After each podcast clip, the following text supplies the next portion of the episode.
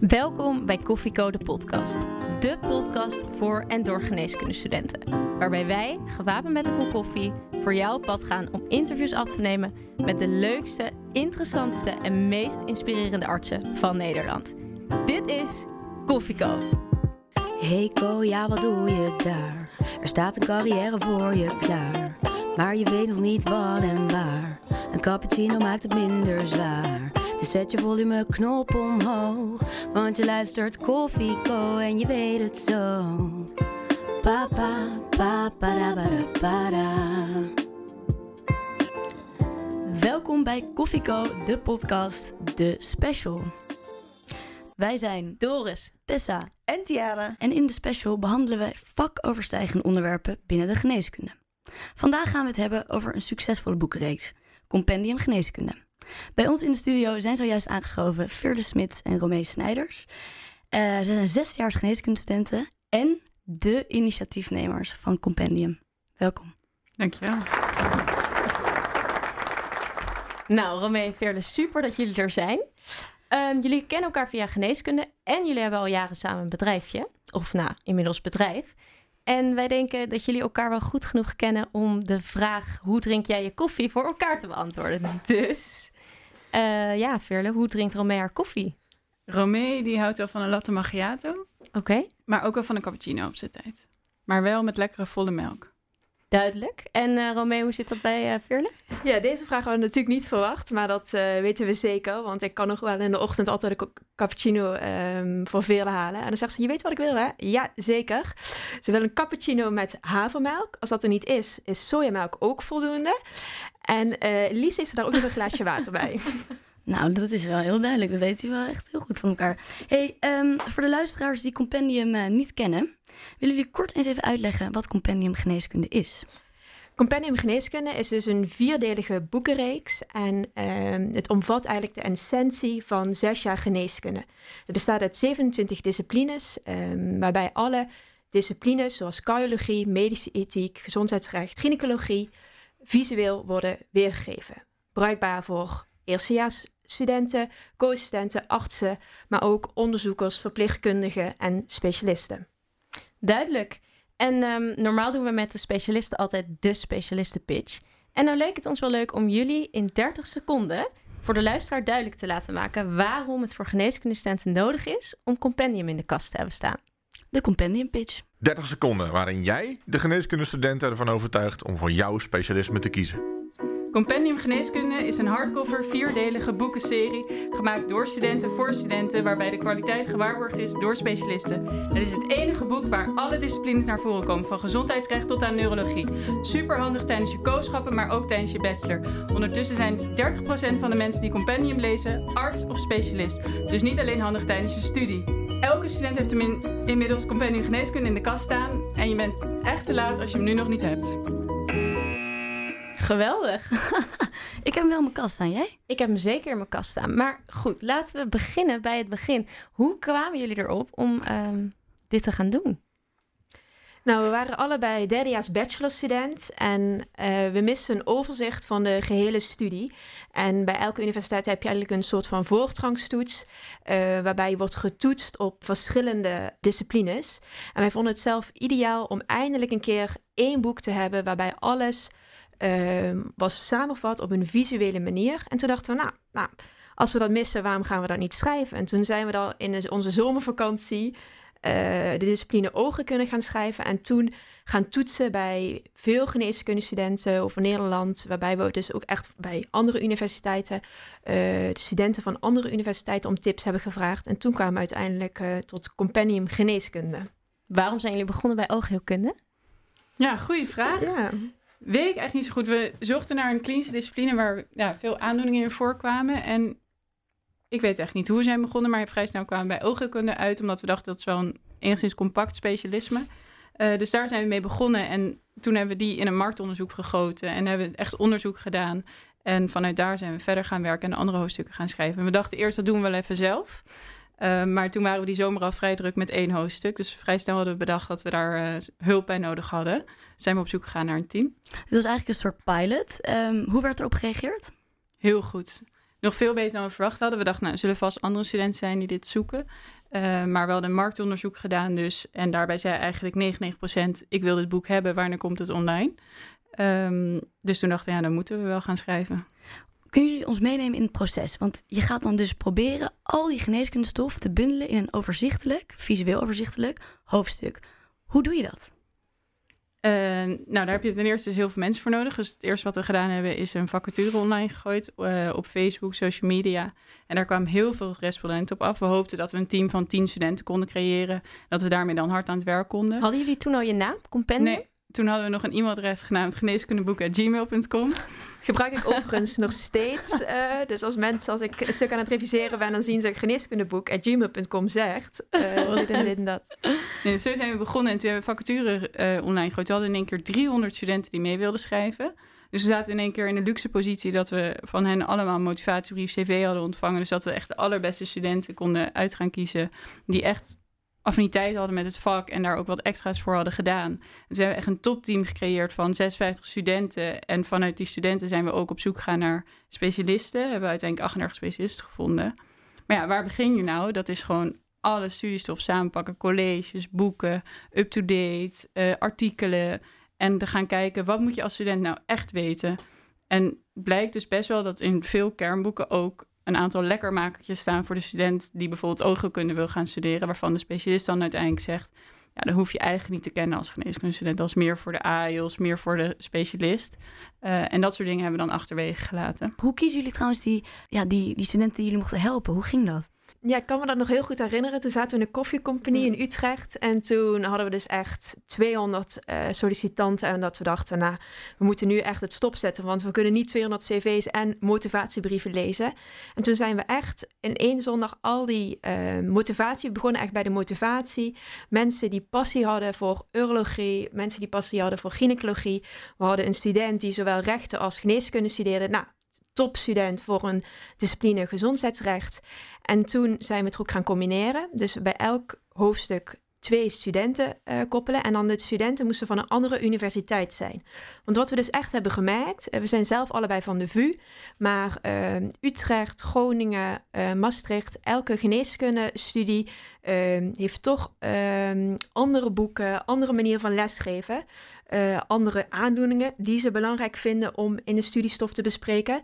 Dus we wilden juist twee studenten van verschillende universiteiten koppelen, zodat je die discussie hebt van oké, welke aandoeningen willen we wel bespreken en welke niet. En doordat we eigenlijk de luxe hadden dat zoveel mensen hadden gesolliciteerd, hebben we dus echt, ja, we kunnen wel zeggen dat we echt een heel mooi topteam uh, hebben kunnen verzamelen. Ja. Hoe ging die samenwerking tussen specialist, jullie en studenten? Nou, een heel groot deel daarvan hebben de studenten echt zelf gedaan. De studenten zijn echt ook specialisten gaan mailen en op zoek gegaan. En dat ging eigenlijk in elk team uh, gevarieerd. Dus soms dan waren wij daar heel erg bij betrokken. Soms de, kenden zij elkaar al, zaten zij elke week bij elkaar op een kamer om door te nemen wat er wel in moest komen, wat niet. En werd het gereviseerd. Heel veel per mail, heel veel per Skype. Soms werkten studenten uit Groningen met Maastricht samen. Dus dan zaten ze fysiek niet zo vaak bij elkaar, maar wel vaak uh, via Skype. Dus het ging eigenlijk heel gevarieerd per team. En Romee en ik hadden de hoofdstukken verdeeld, dus wij begeleiden ieder uh, een aantal auteurs. Jullie hebben zelf dus toen het schrijven achter jullie gelaten. Exact, ja. Jullie houden het overzicht en jullie, neem ik aan, lezen het om het te controleren. Ja, ja. En ik overdrijf niet als ik denk dat we elk hoofdstuk minimaal 30 of 40 keer lezen. Wauw. Um, ja, dus je begint echt um, ja, helemaal in het begin. Je begint met een eenhoudsopgave, nou die lees je al drie keer. Maar daarna wordt het hoofdstuk geschreven, anatomie, nou dat lees je, fysiologie. En er gaan zoveel momenten overheen. Uh, daarnaast doen wij dus echt het redactiewerk. Bijvoorbeeld um, zeg je ziektes of zeg je ziekten. Ja. Uh, dit is een, ja, een klein voorbeeld waarvan we dus echt een woordkeuzelijst hebben van echt duizend keuzes die we hebben moeten maken. En eerst konden we eigenlijk over elk woord een uur nadenken. En nu zeggen we gewoon, ja, maakt niet uit, links of rechtsom, hoe gaan we het opschrijven? Um, en wat we zelf ook hebben onderschat bij 1.0 is de grafische fase. Uh, want dan wordt alle content wat eerst in, uh, in Word staat, wordt grafisch in PDF gezet. En daar worden nog zoveel uh, grafische dingen wat we opmerken. Woorden die heel vreemd worden afgebroken. dingen die we dan toch weer zien, wat we denken, ja, dat, dat willen we toch echt anders. Ehm, ja, het is een project en dat hebben we ook echt zo ervaren. Dus steeds dingen weer anders beslissen. Eh, maar uiteindelijk wel met een mooi resultaat. Ja. Dus dat was het waard. Want uiteindelijk, we waren even gebleven bij die 65 ehm, studenten en 38 specialisten die jullie hadden verzameld. Toen zijn jullie gaan schrijven. En wanneer is het werkelijkheid geworden? Het is toen in september uitgebracht, dus al anderhalf maand daarvoor naar de drukker gegaan. En in november hadden we het team bij elkaar. Dus het is echt korter dan een jaar geweest waarin we het hebben geschreven. Ja. Hadden jullie dat Ehm, verwacht, dat het in zo'n korte tijd werkelijkheid zou worden? We hadden verwacht dat het in januari af was. Oh. Dus we hadden het een beetje onderschat. Dus we dachten, dat doen we wel even een half jaar. Maar dat is niet gelukt. Maar Nee. uiteindelijk hebben we het in iets van acht maanden gedaan. En eh, nou, dat was uiteindelijk achteraf gezien nog vrij vlot. Waar liepen jullie tegenaan? Waar niet? nee, we zijn tegen heel veel dingen aangelopen. Een van de dingen die Romein net al noemde was de grafische fase. Dat was echt zoveel werk nog op het einde. En dat moesten we eigenlijk allemaal... We hebben gewoon de layout uitgekozen op wat wij dachten dat de student mooi vond, wat wij mooi vonden en wat handig was. We hebben er totaal niet over nagedacht dat je dus... Wij dachten, oh, dat giet je even van Word zo in een InDesign document. Dat is dus helemaal niet zo. Dus alles is handwerk. Dus elk regeltje wordt met de hand goed gezet door de grafici. Dus we hebben op een gegeven moment de keuze gehad van... nou, gaan we dan de layout achterwege laten. Maar ja, we willen het juist visueel maken voor de student. En daardoor ziet bij ons elke pagina er anders uit. Dus als je een beetje visueel bent ingesteld... kan je het veel beter onthouden. Dus dat was één groot struikelblok. Ja. Nou, ander struikelblok was ook nog wel bijvoorbeeld als je kijkt naar eh, een pneumonie, nou, longontsteking. Bij welk hoofdstuk gaan we dat behandelen? Is dat de longarts? Is dat de huisarts? Gaan we dat bij de kindergeneeskunde behandelen? Eh, dus dat waren. En wat ook nou eigenlijk het leuke aan dit dilemma was, elke auteur wilde de discipline zelf behandelen. Dus elke auteur was een strijden voor zijn of haar eigen discipline. Nee, ik vind echt dat de longarts het doet. Nee, nee, de huisarts ziet de meeste longontstekingen. Dus dan moesten wij een beetje hebben moeten managen ehm, tussen de verschillende auteurs. En dat was juist leuk, want iedereen ging echt voor zijn of haar eigen hoofdstuk. Ehm, en uiteindelijk waren wij dan degene die met hen natuurlijk eh, die keuze moesten maken. De scheidsrechters van Compendium zijn jullie dus eigenlijk, toch? Ja, eigenlijk wel. Zijn jullie het wel eens met elkaar oneens?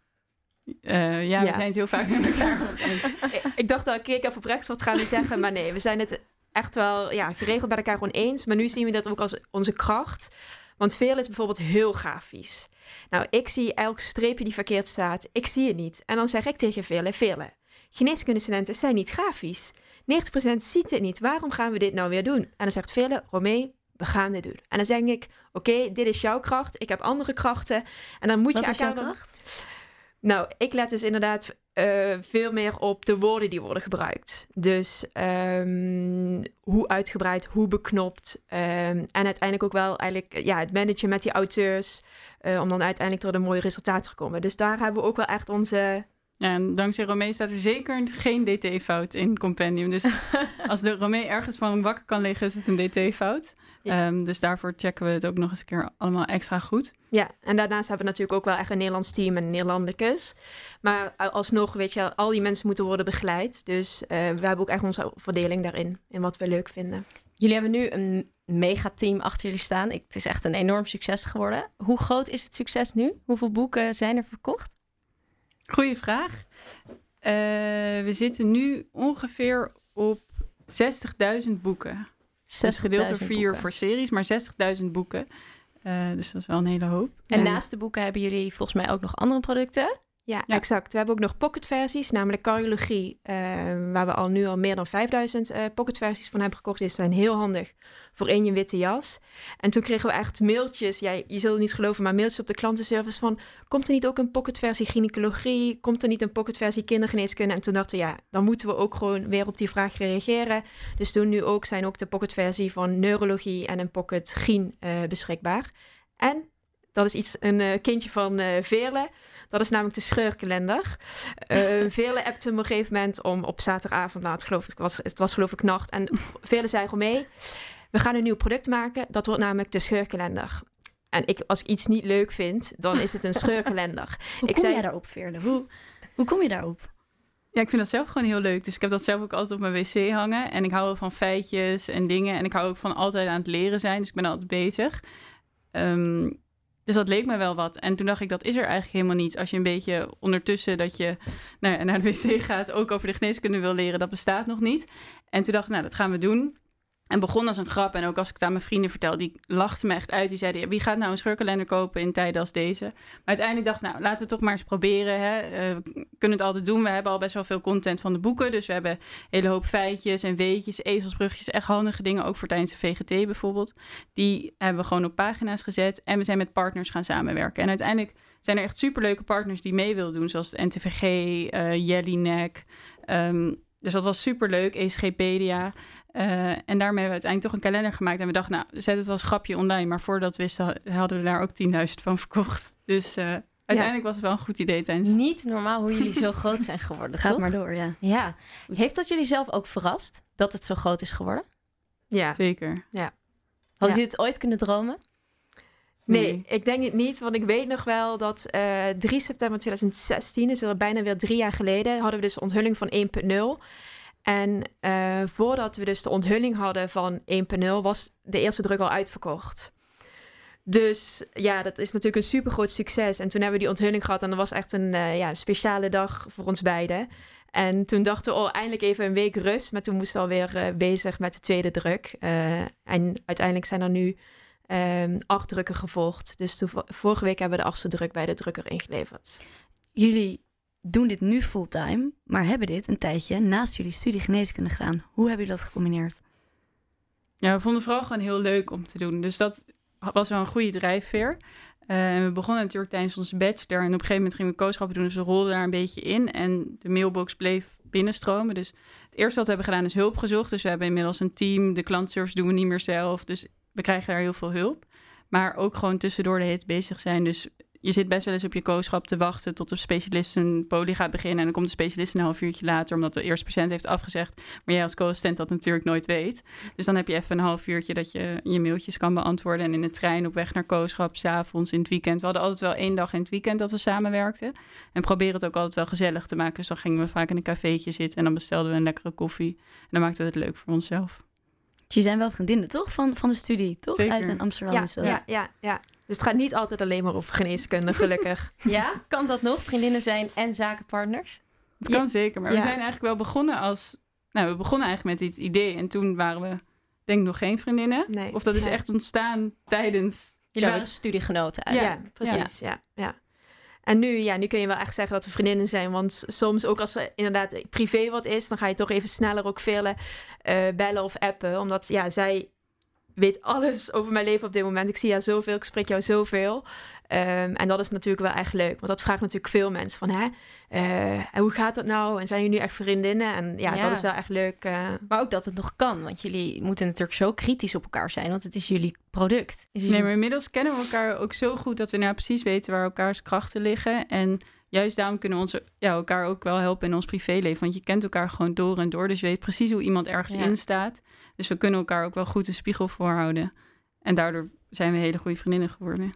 Het is een beetje jullie kindje, Compendium. Zouden jullie het ooit los kunnen laten? Dit is een pijnlijke vraag, want dit is natuurlijk iets weet je, waar we op dit moment heel veel mee bezig zijn. Ik denk ook eigenlijk dat elke student, dat, ja, een geneeskundestudent dat ervaart. Hè, van de- deze leeftijd, zesdejaars geneeskundestudent, wat gaan we doen? Welke keuzes ga je maken? En ja, dat is voor ons ook heel lastig, want het liefst zouden we alles tegelijk willen doen. Zowel geneeskundestudie eh, als ondernemen, als inderdaad dit kindje uitbreiden naar Duitsland, Spanje, eh, ja, de hele wereld. Eh, maar dat maakt het lastig, want we willen allebei heel erg graag arts worden.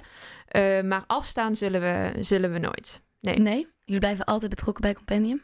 Ja, ja. Heel standvastig, ja. Ja, want er is, er is een tweede druk in de maak. Waarom een tweede druk? Ja, het is niet zozeer een eh, tweede druk. Tijdens ons kooschap hebben Romee en ik toch wel weer nieuwe dingen gemerkt. En hebben we toch bedacht. En hebben ook veel van studenten gehoord van sommige dingen missen nog. Zoals bijvoorbeeld kindergeneeskunde, huisartsgeneeskunde. En vanuit daar zijn we toch gaan denken met een nieuw idee. En zijn we op het idee gekomen voor Compendium 2.0. Dat was het, geen tweede druk, een Compendium 2.0. Nee. Totaal nieuw product eigenlijk. En alle hoofdstukken zijn daarbij weer op de schop gegaan. En we hebben weer een heel nieuw team, in dit geval van 200 mensen... met nog meer specialisten, nog meer studenten, nog meer AIOS'en. We hebben inmiddels een naam gekregen, dus ja, heel veel mensen in Nederland willen graag meehelpen. En we zijn nu eh, ja, een heel nieuw, nieuwe versie aan het schrijven. En hoe is die anders? Ja, het is wel echt een groot verschil met 1.0. Eh, we gaan van 27 disciplines naar eh 35 disciplines. Want grote eh, hoofdstukken zoals huisartsgeneeskunde, geriatrie, eh, chirurgie... ehm, die ontbraken nog in 1.0 en dat is echt een gemis. En zelf zijn we nu ook natuurlijk masterstudent. Eh, toen we het vorige keer hebben geschreven, waren we derde jaar, derdejaars bachelorstudent. Ehm, en we hebben het veel visueler gemaakt. Dus we zijn van 400 eh, naar 1500 afbeeldingen gegaan. Ehm, om zo nog een mooier eh, visueel overzicht te creëren. En wie maakt die afbeeldingen? Dat zijn onze studenten, dus dat zijn 30 hele gedreven geneeskundestudenten die heel mooi kunnen tekenen. Dat is bij 1.0 waren dat er vijf die toen ook al heel mooi konden tekenen, maar dat is nu uitgebreid. En die maken alle anatomische afbeeldingen. Maar wat we bijvoorbeeld in 2.0 ook doen, is dat we echt eh, het klinisch beeld visueel weergeven in een poppetje. Dus je ziet echt aan het poppetje dat een poppetje anorexia heeft. Of iedereen kent wel de pink puffer, blue bloater, maar dat hebben we geprobeerd ehm, ja, Visueel met elke, elke aandoening te doen in ons boek. Dus bijna elke aandoening heeft een afbeelding. Eh, en dat is dus ook wel een groot verschil met 1.0. En hoe was het om ineens allemaal mensen te moeten aansturen? Want dat zijn, ben je als dokter of als ja, geneeskundestudent niet echt gewend. Dat je ineens mensen moet gaan vertellen wat ze moeten doen. Ja, dat is zeker even wennen. Daar groei wel echt in. Dat hebben we nu in de jaren ook wel echt eh, geleerd. Je begint natuurlijk met ja, dat je toch wel heel lief alles vraagt. En zou je dat alsjeblieft voor me willen doen? En op een gegeven moment merk je toch dat, ja, dat daar eigenlijk bijna geen tijd meer voor is. Dus dat je ook wel een bepaalde rolverdeling hebt. En dat iedereen daar zijn eigen kracht in heeft. En je moet ook echt leren dat je niet 24-7 elk appje kan beantwoorden. Dus dat auteurs en iedereen binnen het team je eigenlijk de hele dag door vragen stelt. En je moet echt leren om af en toe ook nee te zeggen. Of denk van, nou, nu heb ik even een paar uurtjes voor mezelf. Of mail me anders even. Maar ja, dat moet je wel echt leren. Wie is het strengst van jullie twee? Vele. Dus al die auteurs die zijn eigenlijk bang voor Ze Veerle. zijn allemaal bang voor mij. We hebben En een beetje wordt overstroomd met e-mails. verhouding. Ja. Maar soms verdelen we ook de rollen anders. Want ja, we vinden alle, allebei andere dingen belangrijk in het project. Dus ik ben ook veel meer bezig met de drukkers en hoeveel. En omdat ik dat heel belangrijk vind, nou, veel meer met het grafische gedeelte. Waardoor we dus elkaar ook gewoon heel goed eh, aanvullen. Ja, precies.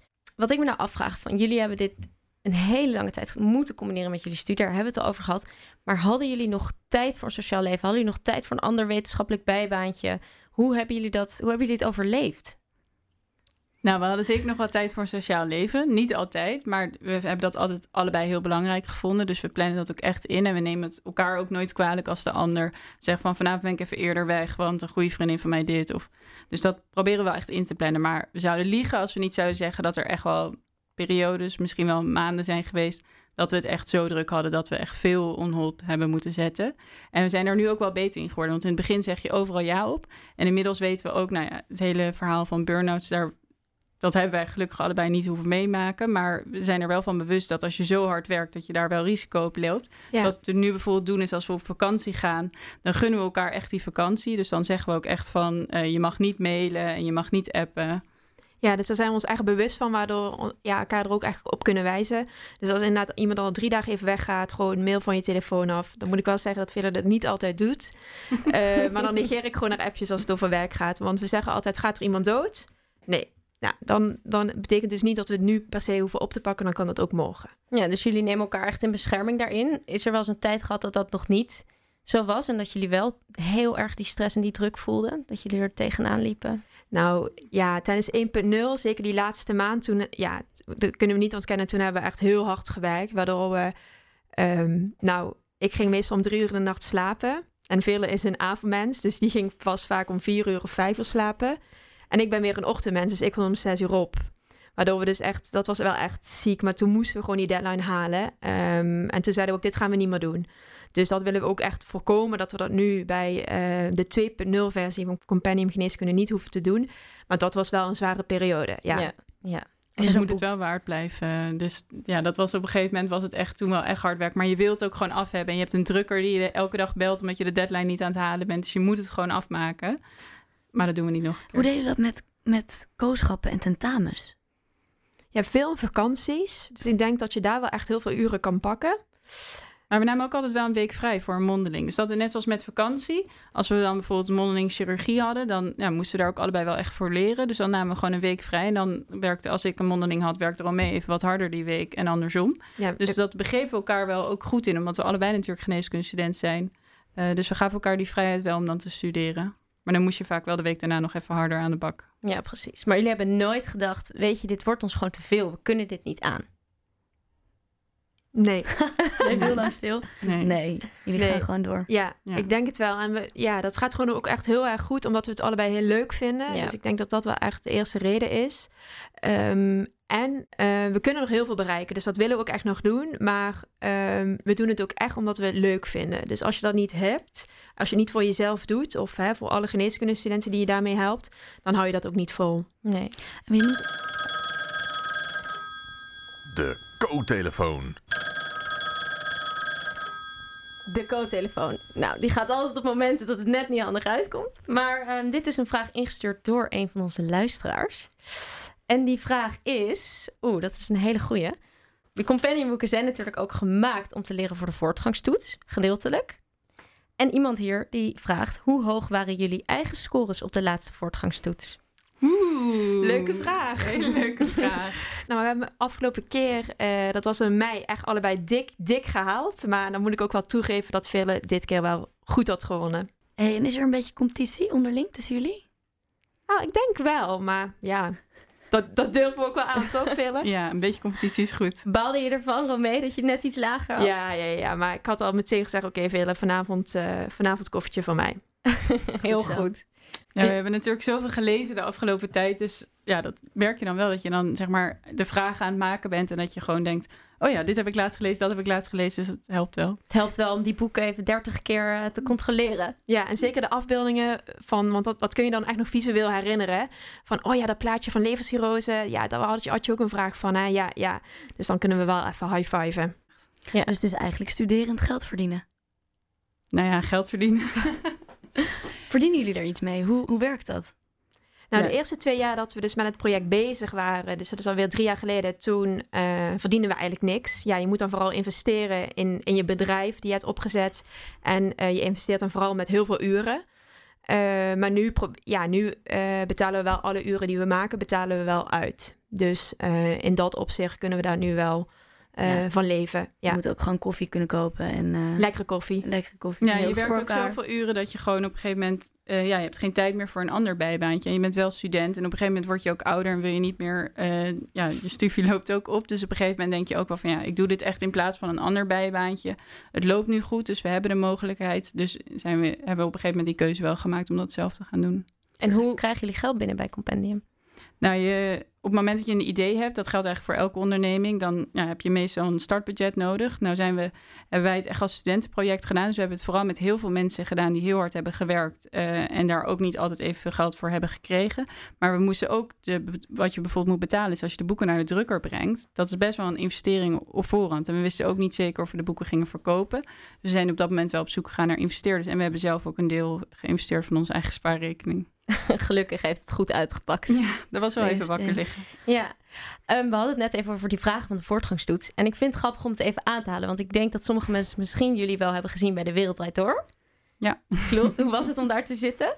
Heel spannend. Heel spannend, heel, ja. leuk ook. Ehm, dus je wordt eigenlijk gebeld. Ik liep, ik liep toen mijn kooschap ehm, kindergeneeskunde. En toen liep ik gewoon door de wandelgangen van het VUMC. En toen werd ik gebeld van, eh, met, nou, puntje, puntje van de wereld draait door. Dus ik, met de wereld draait door.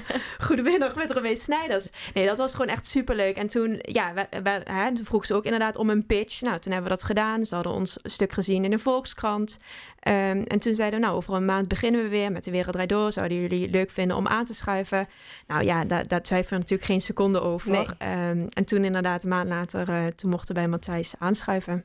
En eh, kijk erop terug van, dat heeft jullie ook echt geholpen? Heeft dat de boekenreeks ook geholpen? Heeft het jullie extra publiciteit gegeven? Ja, zeker. Ja, voor ons was het doel op een gegeven moment... Ja, soms ga je samen zitten van wat is nou eigenlijk ons doel? En Ja. ons doel is... Ja, we zijn uiteindelijk de boekreeks begonnen om studenten te helpen. En eh, voor de voortgangstoets onder andere, maar ook überhaupt om het overzicht te hebben bij de geneeskunde. En we dachten gewoon, we willen op zijn minst dat elke geneeskundestudent in Nederland en in Nederlands sprekend België op de hoogte is van de reeks. En nou ja, een van de dingen die daar wel bij kan helpen is media. Dus toen zij belde, dachten we, nou, dit is wel echt het moment om iets meer bekendheid te krijgen. En wat daar ook uit voortgevloeid is, dat heel veel artsen en specialisten nu ook van ons op de hoogte zijn. Dat we ook echt zien in, op de verkoop van de website, dat gewoon echt veel artsen en specialisten het super handig vinden om de reeks in de kast te hebben staan. Dus dat hebben we daar wel aan te danken, denk ik. En jullie zijn met een vertaling bezig. Uh, waarom is dat? Ja, omdat ons doel natuurlijk verder gaat. Dus toen dit doel bereikt was, werd het volgende doel om dit wereldwijd te gaan doen. Ja, en dit hebben we ook weer getoetst. Dus dan hebben we een marktonderzoek gedaan in het Engels. Dit weer verspreid over de hele wereld. En dat hebben echt geneeskundestudenten uit Mexico, China, nou, Afrika, noem maar op. En toen eigenlijk weer dezelfde vraag gesteld van nou, uh, we hebben toen in discipline vertaald in het Engels. Kennen jullie dit? Missen jullie dit? Uh, zouden jullie dit willen hebben? En zo dachten we, uh, eigenlijk precies hoe we het drie jaar geleden hebben gedaan. Ja, dit is ook een gemis in het buitenland. Dus nu willen we ook weer ervoor zorgen dat het in het buitenland komt. Dus dat is ons nieuwe doel. De toekomst van Compendium lijkt oneindig. Wanneer is dat klaar? Komt er denk je ooit, kunnen jullie iedere keer maar weer iets nieuws gaan jullie bedenken? Nou, ik denk, ik denk dat het eigenlijk nooit klaar zal zijn. Want als je ons twee, drie jaar geleden had gevraagd van... Hè, denken jullie dat jullie ooit een tweede druk zullen gaan schrijven? Nou, dan hadden we echt gezegd... nee, we zijn blij als we de eerste druk hè, kunnen verkopen. Dat was, echt, dat was echt een risico wat je natuurlijk doet als ondernemer. Um, en toen zeiden we, ja, we maakten inderdaad een grapje van, hè, stel je voor dat we ooit bij de Wereld Draait Door zitten. En dat is ook gebeurd, dus je weet het niet. Dus we denken, als je maar altijd gewoon voor het hoogste doel gaat, dan weet je nooit uh, waar je zal eindigen. En mensen lachten ons toen echt uit. Hè? Ik weet nog ja. wel dat soms zeiden, oh, misschien kunnen we wel een keer bij Matthijs aan tafel. Nou, en mensen lachen, tuurlijk niet, hebben jullie grootheidswaanzin. Dus dat was wel even lekker toen we daar zaten. Was dat een hoogtepunt voor jullie? Of wat was het hoogtepunt uit jullie companion carrière? Ja, ik denk toch wel echt uh, de wereld draait door. En zeker daarna. Dus op het moment zelf besef je het echt niet. Nou, je hebt ook echt niet door dat die camera op je staat. Dus je bent gewoon, ja, je kletst. En dan denk je, oh ja, shit, dit was live. En het, heel veel mensen hebben het nu bekeken. Um, en toen daarna hebben we gewoon echt een hele mooie avond gehad. Natuurlijk met vrienden en familie. En ja, toen konden we eigenlijk wel echt zeggen van... ja, we zijn nu toch wel echt trots op elkaar en op onszelf. Want dat was echt een hele mooie avond. En jouw hoogtepunt, Veerle, was dat ook de wereldwijd door? Nou, was zeker een van de hoogtepunten. Um, ook wel een ander hoogtepunt, denk ik, voor ons allebei was de lancering. Uh, waarbij we uh, nou ja, voor het eerst, al, sommige auteurs hadden we nog nooit in het echt gezien, dus die hadden we allemaal over Skype, uh, hadden we een gesprek mee gehad. Dus op de lancering was het heel mooi wat Romeo ook zei met familie en vrienden, dat je um, eindelijk meemaakte dat zij ook eens wisten wat we eigenlijk gedaan hadden. Toen zij voor het eerste boek in handen hadden, maar dat was ook zeker nog een punt, toen wij voor het eerste boek in handen hadden. Dan gaat het eindelijk vanuit je computer ineens naar je handen en dat er ook wat meer begrip was vanuit de familie wat we nou al die tijd eigenlijk hadden gedaan. ja. ja. We gaan het compendium even afsluiten en we gaan door naar jullie persoonlijk. Want jullie zijn ook geneeskundestudenten. En ik denk dat het voor iedereen ook heel leuk is om te weten hoe jullie zijn als ja, co-assistenten. Hoe vonden jullie studie geneeskunde en waren jullie goede co-assistenten? Hoe, hoe, waren jullie? Romee was de beste co-assistent. Ja, ja, ik vond de kooschappen heel erg leuk. Natuurlijk, soms vermoeiend. Uh, weer twee uur in de trein. Um, maar ik wist nog niet wat ik echt nou het allerleukst vond. Dus elke kooschap ging ik in van hè, laten we kijken uh, of dit iets voor mij zal zijn. Ik dacht ook echt zelf dat ik altijd toch meer uh, chirurg chirurgisch was en meer van aanpakken. Maar uiteindelijk uh, ben ik er wel echt achter gekomen dat ik juist de combinatie met denken en doen heel erg interessant vind. Waardoor ik uiteindelijk nu toch zeker verliefd ben geworden op de MDL. Dus, het wordt de MDL. Het en wordt voor, de MDL. En voor jou, Veerle, weet jij het al? Ja, ik weet het ook al. Ik wil kinderarts worden. Dus ik heb daar ook mijn semi-artstage gelopen. En uiteindelijk een hoogtepunt binnen mijn studie was ook zeker om in Tanzania een kooschap te lopen. Uh, ook bij de kindergeneeskunde. Dus uh, ik heb mijn kooschap ook wel eens heel leuk ervaren. Want jullie zijn dus nu bijna klaar. Bijna afgestudeerd, toch? Allebei zesdejaars? Ja. Ja, klopt. En wat zijn de volgende stappen? Want jij wil MDL-arts worden en jij kinderarts. Daar gaat natuurlijk wel iets aan vooraf. Ja, exact. Ja, dat is dus ja, wat ik net inderdaad zei. We zitten inderdaad nu precies in die fase dat het inderdaad lastig is met wat wordt de volgende stap. Uh, ga je eerst een ANIOS-baan um, ergens proberen te regelen of ga je promoveren? Um, ja, vinden we ook echt nog super lastig. Dus de komende half jaar zijn we nog eigenlijk druk met Compendium. Dus dat is ook wel fijn eigenlijk. Dat we dit nu toch wel het oude vertrouwen nog kunnen blijven doen. Maar ook daarna uh, weten we zeker dat we ook, net zoals elke geneeskunde student, toch echt die uitdaging ook daaraan moeten gaan. En uh, voor jezelf een mooie baan uh, te regelen. Heeft Compendium jullie geholpen bij het maken van de keuze voor hetgeen wat jullie willen doen? Um, nou, voor mij heeft het denk ik wel echt de keuze gemaakt. Hoewel ik Compendium echt, de tijd die ik eraan heb eh, gegeven en nog steeds doe. Nou, dat, dat doe ik echt met duizend procent. Maar ik ben er nu wel echt achter gekomen, nu ik dus op kantoor zit. Ik mag mijn nagels lakken. Nou, fantastisch.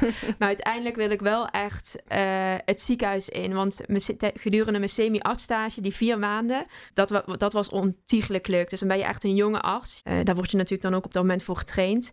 En dan denk ik wel, ja, dan loop je echt door die, die gang en dan, ja, daar wilde ik echt niet weg. Ehm, dus ik denk dat dat wel nog, eh, nog meer in me zit dan echt het ondernemen zelf. Dus als ik jou vraag, wat zou je kiezen? Compendium of geneeskunde? Ja, dan wordt het wel geneeskunde. Ja, Ja. Veerle?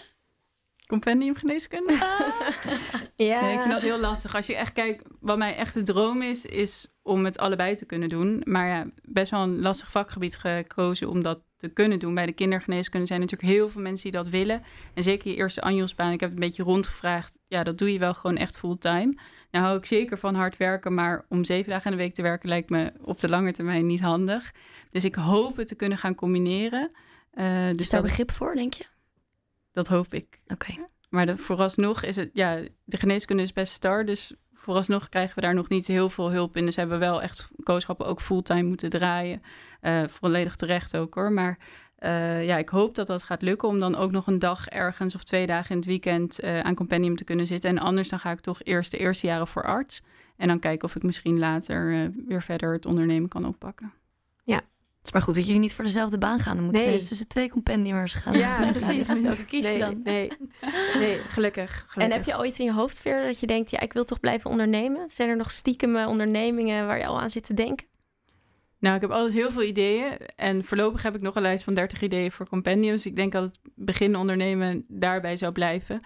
Ehm, nou, ik had ook met interesse heb ik naar de podcast eh, Ondernemen in de Zorg eh, geluisterd. En daar zei hij ook onder andere dat hij een stoute droom was om ooit een ziekenhuis te hebben.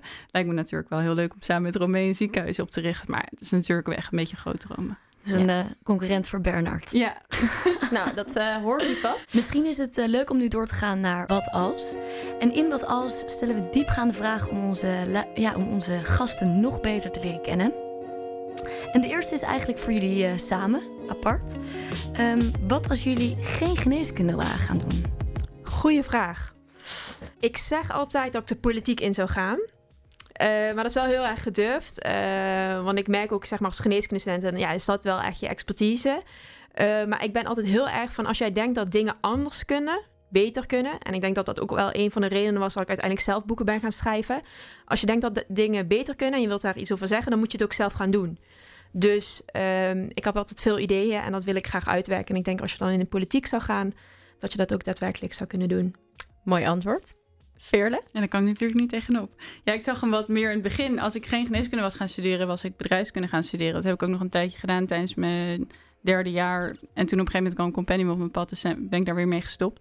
Maar ik had het ook wel leuk. Ja, we ondervinden nu heel erg het ondernemen, maar het lijkt mij nog heel leuk om nog ergens in business een eh, master te doen. Eh, en daar wat meer ook op papier over te leren.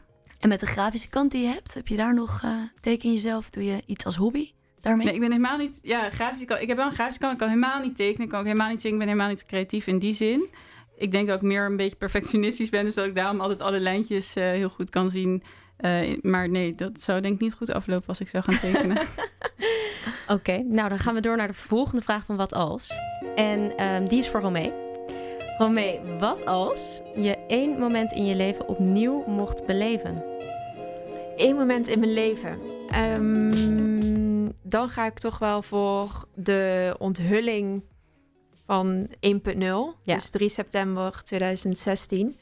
Ehm, want we hadden echt geen idee die avond van tevoren ehm, wat we die dag daarna zouden gaan onthullen. We wisten natuurlijk wel dat dat de boeken waren, maar we hadden geen idee.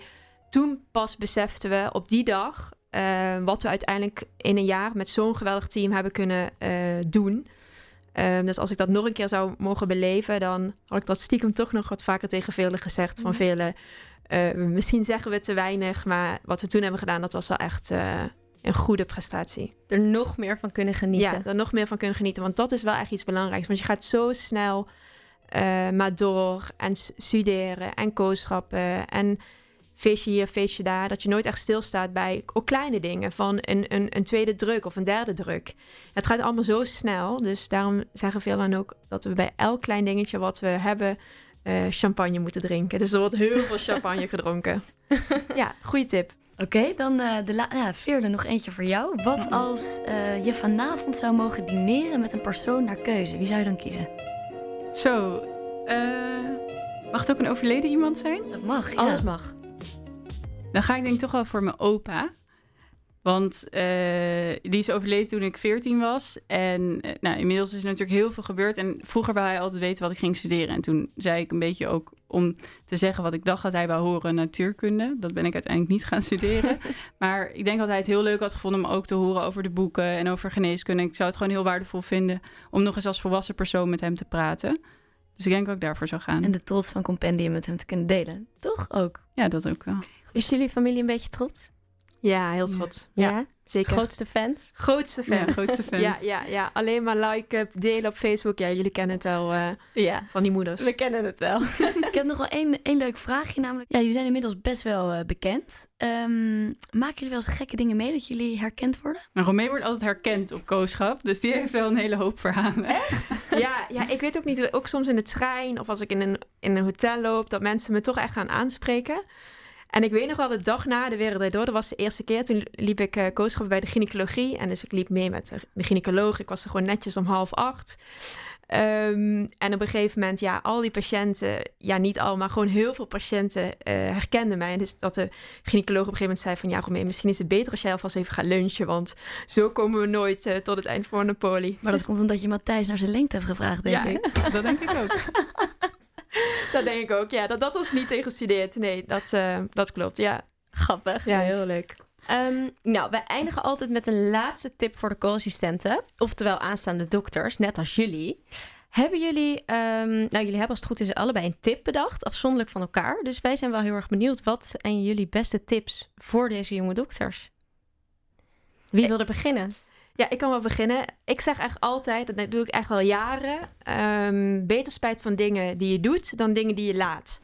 Want ik denk dat je echt alles moet aangrijpen, zeker op onze leeftijd, uh, ook al is het klein, uh, om het gewoon te gaan doen. Uh, want je kunt beter daar spijt van hebben, van hè, had ik toch misschien anders kunnen aanpakken, van dan achteraf zeggen van had ik toen maar die uitdaging aangaan of was ik toen maar dat weekendje weggegaan. Um, dus dat zou ik wel graag willen meegeven. Doe je dat zelf ook? Ik zou het misschien meer moeten doen. Dus dat heb je wel uh, heb je me te pakken. Dus ik, ja, dat is wel ook echt iets wat ik nog heel vaak tegen mezelf zeg. Ja, van kom op, je leeft maar één keer. Uh, hoe cliché het ook is. Maar uh, dan heb je wel denkt, uh, dan haal je wel er alles uit. Mooie tip. Veerle? Ja, mijn tip is denk ik...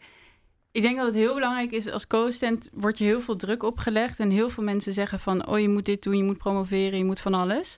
En ik denk dat het heel belangrijk is om dingen te doen waar je zelf echt blij van wordt. Um, dat is misschien ook cliché, maar voor mij is dat wel heel belangrijk. Wij zijn deze boeken echt gaan doen omdat we er zelf heel blij van worden. En we zeggen ook wel eens tegen elkaar, oh het is zo druk, het is zo druk. Maar dan zeggen we nee, we doen het echt voor onszelf. En de dag dat we denken, we doen het niet meer voor onszelf, moeten we ook stoppen. Dus ik denk ja, dat dat gewoon heel belangrijk is. Dat je echt je hart volgt daarin. En ook als je een idee hebt, dat je dat gewoon gaat doen. Um, maar niet dingen gaat doen omdat het goed staat op je cv of omdat je denkt, zo kom ik in opleiding. Want uiteindelijk prikken mensen daar toch wel doorheen en is het gewoon belangrijk om je passie te volgen. Maar Compendium staat toevallig ook wel goed op het cv. Toevallig wel.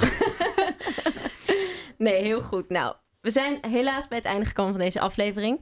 Heel erg leuk dat jullie er waren. Vonden jullie het leuk? Heel leuk. Ja, heel leuk. Ja. En echt, uh, inderdaad, we hebben het net al natuurlijk even met elkaar gesproken. En ik vond het echt heel leuk dat jullie ons belden. En uh, jullie beginnen nu eigenlijk, eigenlijk ook zelf met jullie eigen onderneming. Dus we vinden het echt super leuk als juist geneeskundestudenten, want daar heb je er niet veel van, ook ondernemen. Uh, dus echt super erg bedankt voor de uitnodiging. En uh, ik weet zeker dat jullie over drie jaar ook bij Matthijs aan tafel zitten. Yes. Nou, dat uh, steken we in de pocket. Onwijs bedankt voor, voor het compliment. Heel leuk dat jullie er waren. Um, super leuk dat jullie allemaal luisterden. Volg ons op Instagram, Facebook, LinkedIn, alle kanalen die maar jullie kunnen bedenken. En volg Compendium, want die waren vandaag te gast. Volgende keer weer een nieuwe aflevering met een nieuwe gast. En um, nou, geniet van de zomer en luister weer. Oh, heel goed. We komen hier elke week. Deze podcast werd mede mogelijk gemaakt door Universiteit Utrecht, Hogeschool Utrecht, Opleiding Journalistiek, UMC Utrecht en Utrechts Universiteitsfonds STUF.